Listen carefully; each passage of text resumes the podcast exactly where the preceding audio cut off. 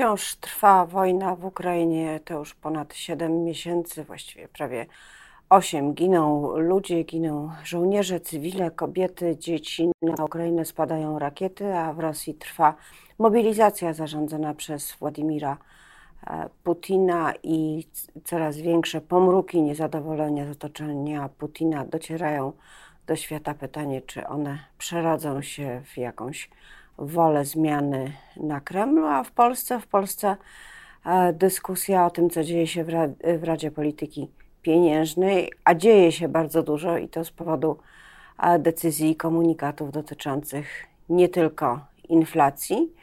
Budżetówka żyje natomiast tym, e, ile będzie zarabiać w przyszłym roku i między innymi o tym w odniesieniu do służb mundurowych już za chwilę porozmawiam z moim gościem. Suzanna Dąbrowska. Dzień dobry.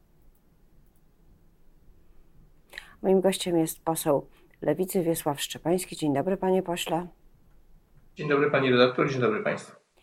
E, zapytam pana, czyli osobę, która powinna być z urzędu i definicji najlepiej poinformowana, posła, który jest członkiem Sejmowej e, Komisji Admi e, Spraw Wewnętrznych i Administracji. Panie pośle, czy to, co jest zapisane w założeniach budżetowych, oznacza, że będziemy mieć do czynienia z kontynuacją jesiennej tradycji protestów e, różnych służb mundurowych zawiedzionych zbyt niskimi podwyżkami, czy tym razem uda się tego uniknąć? Znaczy wszystko jest w rękach ministra spraw wewnętrznych i administracji. Jak wiemy dzisiaj, e, związki zawodowe służb mundurowych protestują przeciwko projektowi budżetu na rok 2023, który nie jest zadowalający, bo de facto nie, nie jest wyższy albo nie jest równy poziomowi wskaźnika inflacji, dlatego że jeśli popatrzymy na kwestie finansowe, no to oczywiście największe środki mają trafić do policji, bo tutaj według wstępnych założeń jest to rząd około 13,5 miliarda przy 11,7 roku 2022. To oznacza wzrost około 15%. Jak widzimy, inflacja jest już dzisiaj na poziomie 17%. Y, około 4 miliardów ma trafić do straży, y, do straży pożarnej, 2 miliardy 300 do y, Służby Ochrony Państwa, przepraszam, Straży Granicznej, około 421 milionów do Służby Ochrony Państwa, no i oczywiście są służby specjalne, które mają też swoje środki, ale tutaj patrząc na nie, to ta podwyżka jest chyba najmniejsza, dlatego że ABW ma dostać 685 milionów, to jest wzrost o niecałe 6%. E, Agencja Wywiadu 258 milionów, to jest wzrost o 11 milionów w stosunku do roku ubiegłego i CBA 258 milionów, czyli wzrost o 17, o 17 milionów. No tak, ale panie, pośle, yy, przepraszam, bo z, tych, z tego samego wyliczenia, które pan przedstawił, wynika, yy, że służby nie są yy, traktowane w sposób równy, nawet przyjąwszy wszystkie proporcje właściwe, rozmiar budżetów poprzednich, liczbę osób zatrudnionych, zadania, które stoją przed tymi służbami. Jedne służby są bardziej doceniane, przede wszystkim policja, inne mniej. Czy to wynika z e, roli policji, czy to wynika z tego, że państwu jest ta policja szczególnie potrzebna? Niedawno Rzeczpospolita pisała o tym, że mm, Centralne Biuro Antykorupcyjne nie ma na papier ksero, e, na składki zdrowotne e, ZUS-owskie, na środki czystości, nie mówiąc o benzynie, kamizelkach kuloodpornych i hełmach. Tak, znaczy mówi się o tym, że braki finansowe tylko w tym roku y, CBA to jest ponad 7,6 miliona złotych. To są te kwoty, o których Pani wspominała, natomiast my nie wiemy jeszcze, jakie będą rachunki za prąd, za wodę, za gaz do końca roku i jak inflacja wpłynie na wysokość y, finansowania tych służb i kosztów y, w roku przyszłym. Oczywiście policja ma największą kwotę w budżecie państwa jako największa formacja. Formacja, która po raz pierwszy przekroczyła 100 tysięcy osób, ale z drugiej strony, z uwagi również na fakt, iż e, w zapisach e, tych wsparcia służb mundurowych zapisano również, że policja ma jeszcze zwiększyć swoje etaty o 5 tysięcy osób. Przecież te 13,5 e, miliarda, o których wspomniałem, to nie są wszystkie pieniądze na policję, bo również w ramach modernizacji służb mundurowych do służb mundurowych podległych ministrowi spraw wewnętrznych ma trafić jeszcze 2,2 miliarda złotych. Wydaje się, że dzisiaj, patrząc na, na tą formację, Ma ona, można powiedzieć, jest na piedestale pana ministra Kamińskiego i jest najbardziej wspierana finansowo.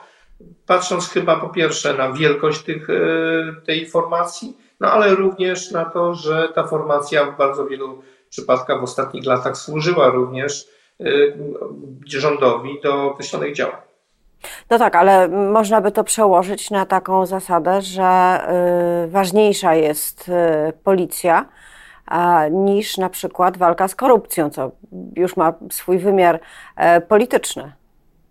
Znaczy, ja zdaję sobie sprawę z jednego względu. No, ten budżet przyszłego roku też nie jest z gumy, on się nie rozciąga. W związku z tym y, nie ma możliwości zwiększenia też nakładów, chociaż nie ukrywamy, że zawsze co roku, pod koniec każdego roku była nowelizacja ustawy budżetowej i być może kolejne środki finansowe trafią między innymi do tamtych służb.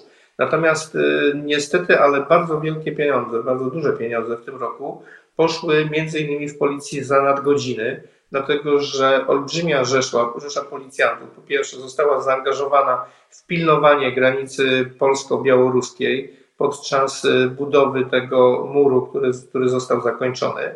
Bardzo wielu policjantów musiało ochraniać jednak y, ten, tą część graniczną i pracujących tam yy, wykonawców. No i oczywiście policja została zaangażowana w kwestię dotyczącą również y, ruchu związanego z uchodźstwem Ukraińców. Więc też ta, ta służba niestety, ale była niesamowicie obciążona nadgodzinami, dlatego te wielkie pieniądze trafiły.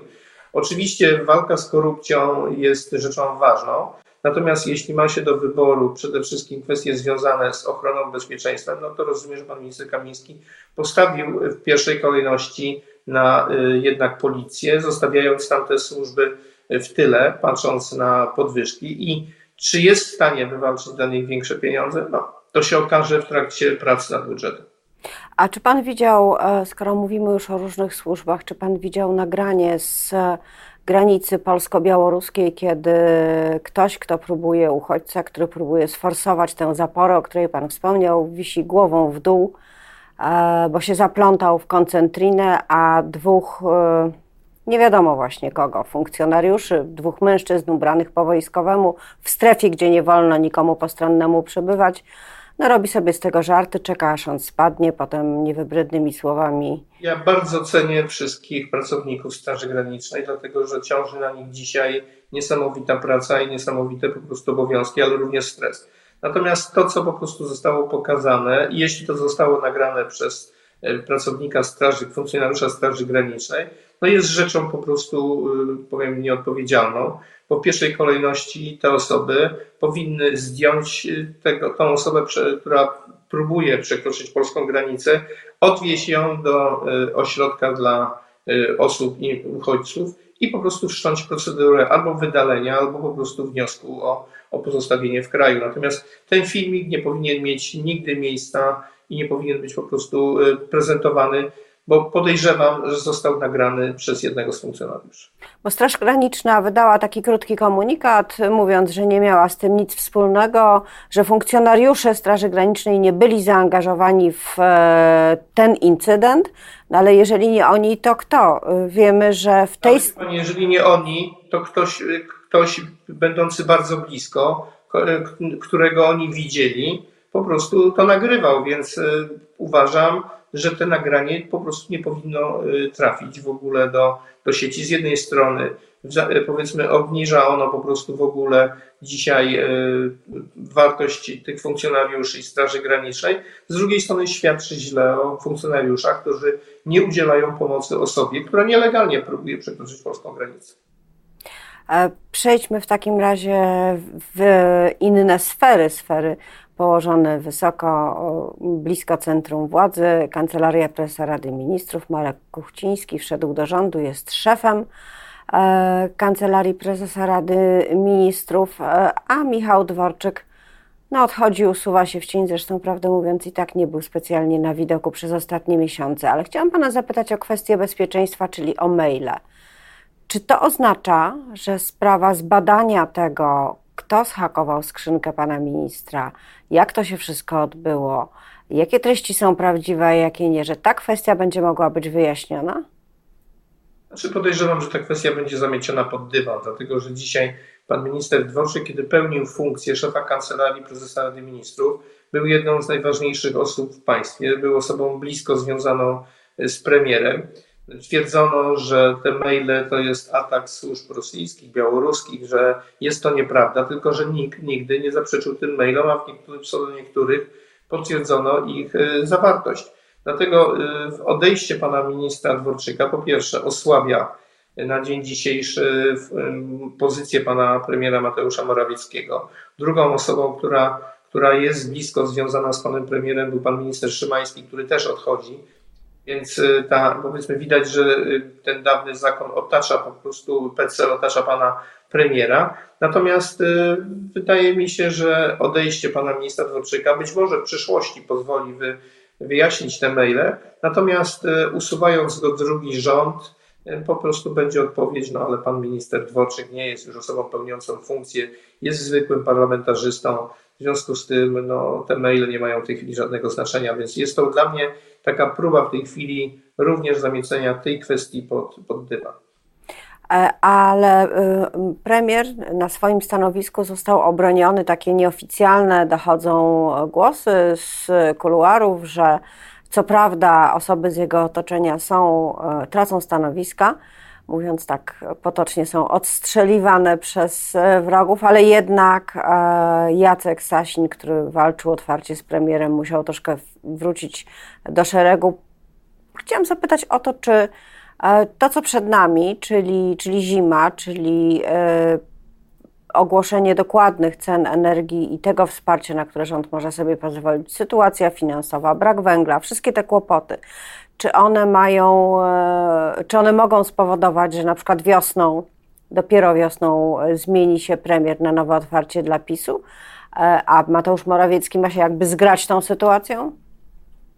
Znaczy ja myślę, że po prostu, że dzisiaj, nawet gdybyśmy, gdyby PiS chciał zmienić osobę, to jednak ona miałaby olbrzymi problem z realizacją tych zadań i tych, tych rzeczy, o których Pani mówi, więc najprawdopodobniej, jeżeli cokolwiek miałoby dojść, to będzie to wiosną z nowym otwarciem, przygotowaniem nowego ewentualnie premiera do kampanii wyborczej. Dziś wiemy jedno, że dla mm, PiSu jest w tej chwili to najtrudniejszy okres. Tak?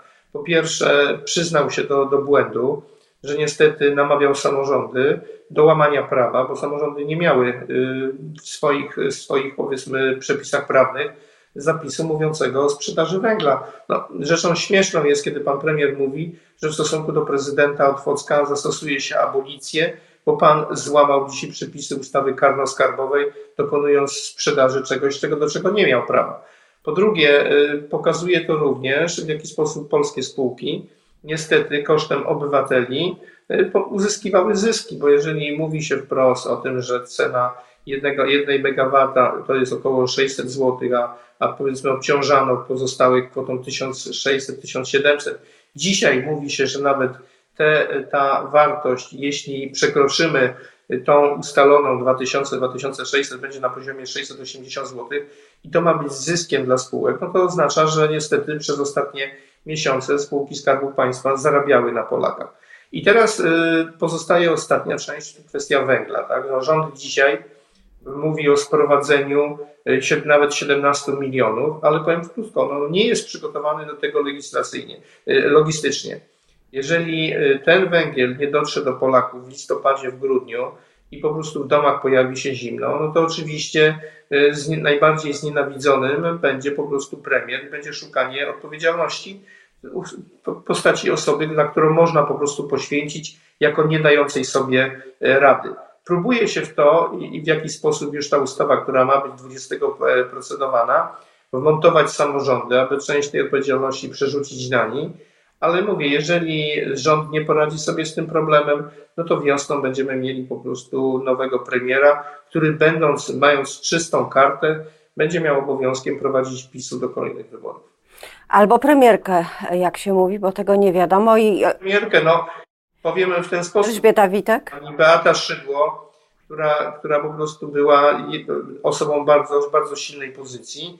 a została zesłana do Europarlamentu, choć nie jest to zesłanie, bo patrząc z punktu widzenia finansowego, jest to spokojne, po prostu spokojny byt. No ale podejrzewam, że mogłaby mieć otwartą kartę, zresztą poparcie dla pani y, byłej premier w wyborach do Europarlamentu pokazało, że jest ona osobą rzeczywiście w Prawie Sprawiedliwości bardzo docenianą. Pół, nikt nie osiągnął takiego wyniku y, wyborczego, ponad pół miliona głosów oddanych na jedną osobę.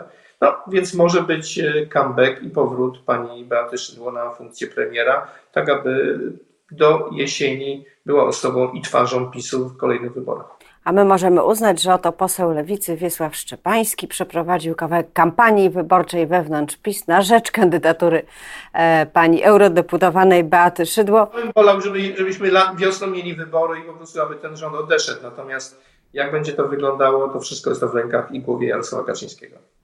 Bardzo dziękuję za tę analizę. Moim gościem był poseł Lewicy Wiesław Szczepański. Miłego dnia. Również Pani. Do zobaczenia. Do widzenia.